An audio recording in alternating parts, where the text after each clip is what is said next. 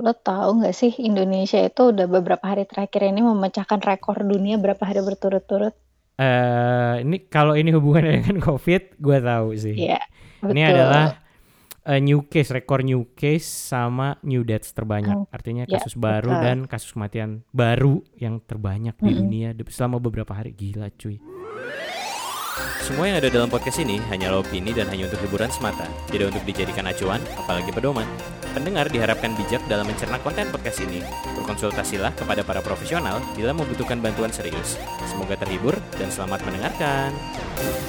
Prambors Podcaster bareng. Yopsi Podcast. Oke, bersama gue Yudis dan partner gue. Gue Ayu. Akhirnya kita ikut kompetisi juga. Ini adalah kesempatan agar podcast kita didengar oleh masyarakat banyak.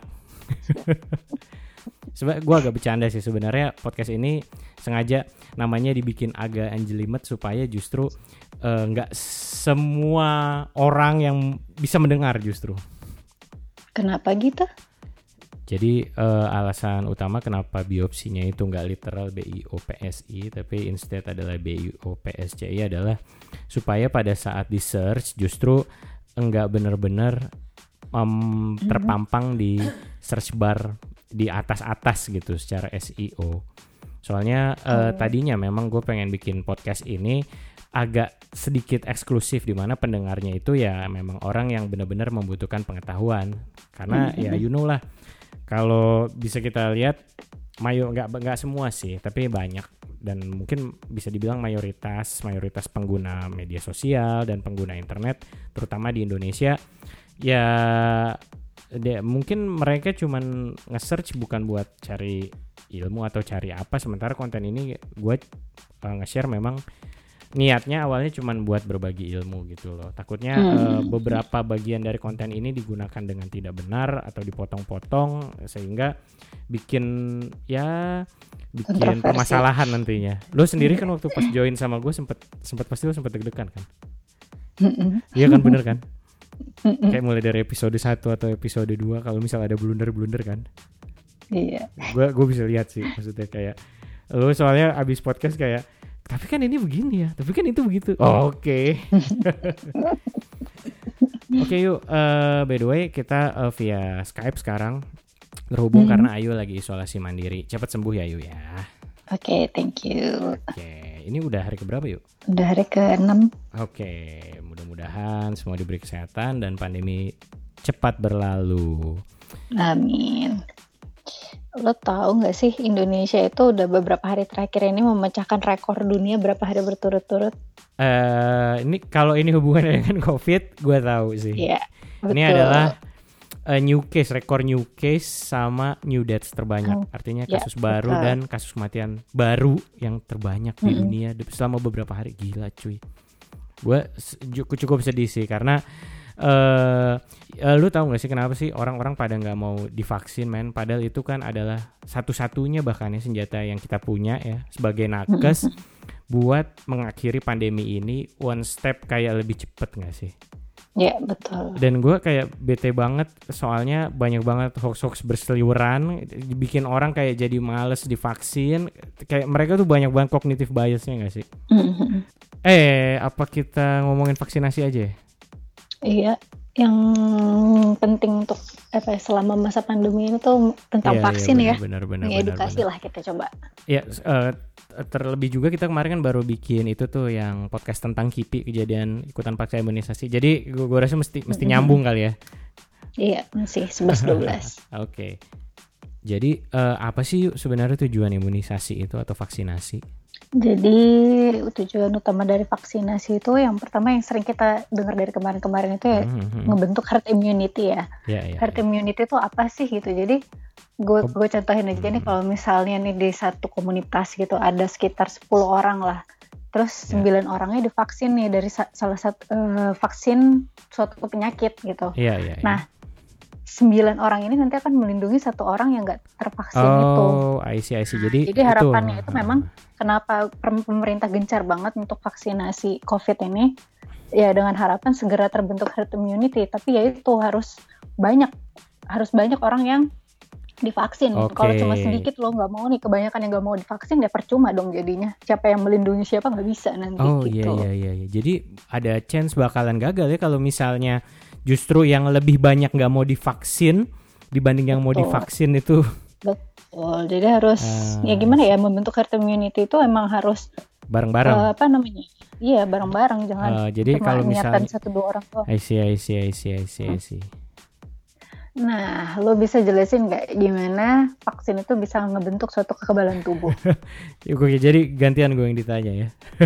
Hmm. Oke, gue jawab ya. Jadi begini, eh, intinya vaksin itu dibikin menyerupai virus aslinya.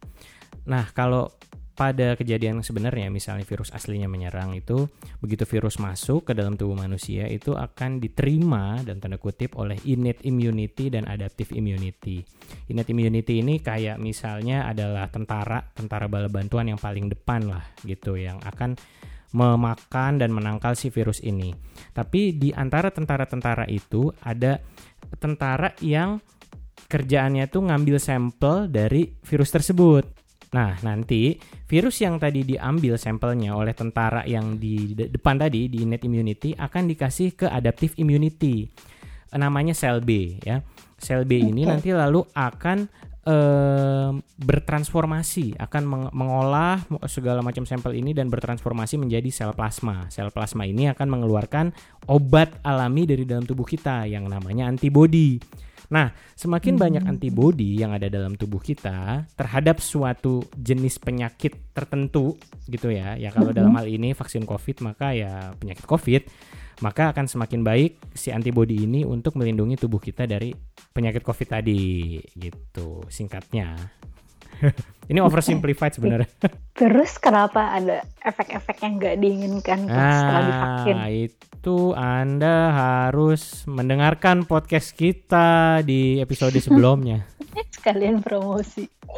Eh, ya ada, adalah benar bahwa kita tidak hanya men-share info kesehatan tapi kita juga marketing.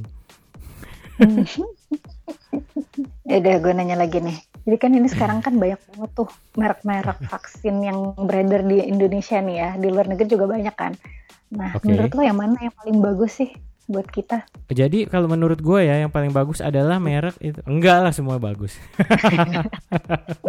Gak boleh nyebut merek. Ham- hampir saja menyebut merek. Enggak lah. Jadi semua vaksin bagus sih. Artinya memang eh, masing-masing vaksin itu memang punya cara sendiri untuk bisa dideteksi oleh imunitas tubuh. Tapi eh, inti dari vaksinasi itu apa sih semuanya kan ya adalah untuk mencapai herd immunity supaya nih penyakit nggak ada lagi di muka bumi gitu. Kayak variola zaman dulu ya nggak sih? Ada nggak sih orang variola zaman sekarang? Ini udah nggak ada lagi. Nggak ada Oke. cuy. Eh nggak tahu sih. Tapi gua rasa nggak ada. Nggak mungkin ada lagi sih. Udah hilang kali dari muka bumi ya. Kayak polio, mana ada sih orang Hmm. kena polio zaman sekarang ya nggak sih?